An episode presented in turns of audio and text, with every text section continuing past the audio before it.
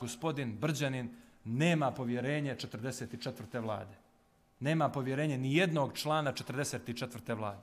Samim tim, naravno, nema ni moje povjerenje. Vi znate uh, da je gospodin Brđanin izabran za vrijeme 42. vlade tačno, ali na nagovor gospodina Abazovića kao koordinatora za bezvjednost, koji je insistirao da gospodin Brđanin bude izabran i koji je prijetio tadašnjem premijeru Krivokapiću da će srušiti vladu ukoliko, ukoliko gospodin Brđanin bude razriješen te dužnosti. Samo da podsjetim na činjenice.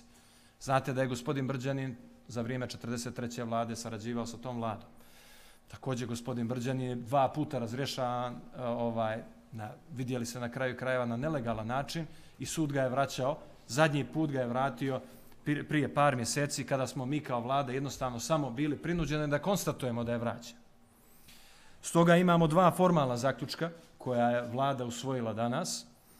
Prvi zaključak je povodom tačaka 28 i 29 konstatuje se da vlada podržava predlog ministra Šaranovića za razrešenje direktora policije na osnovu odluke Skupštine Crne Gore. Drugi zaključak je a, tačke 28 i 29 se odlažu za ponedjeljak, a ministar Šaranović zadužuje da planira i preduzme aktivnosti povodom realizacije navedenih tačaka.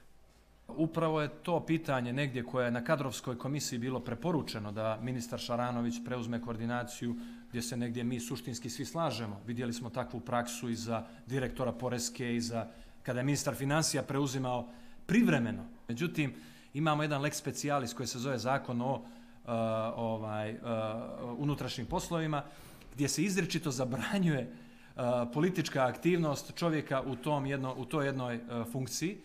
I upravo zbog toga, a imajući u vidu da smo kao država bukvalno pred dobijanje Ibara, znači e, e, mi smo država koja treba sada da briljira u e, 23. i 24. I jako je bitno da ne postoji ni najmanja sumnja sa strane Evropske komisije, naših međunarodnih partnera, da sve što radimo, radimo transparentno i radimo na pravi način, bez želje da politizujemo profesionalne funkcije kao što je direktor policije.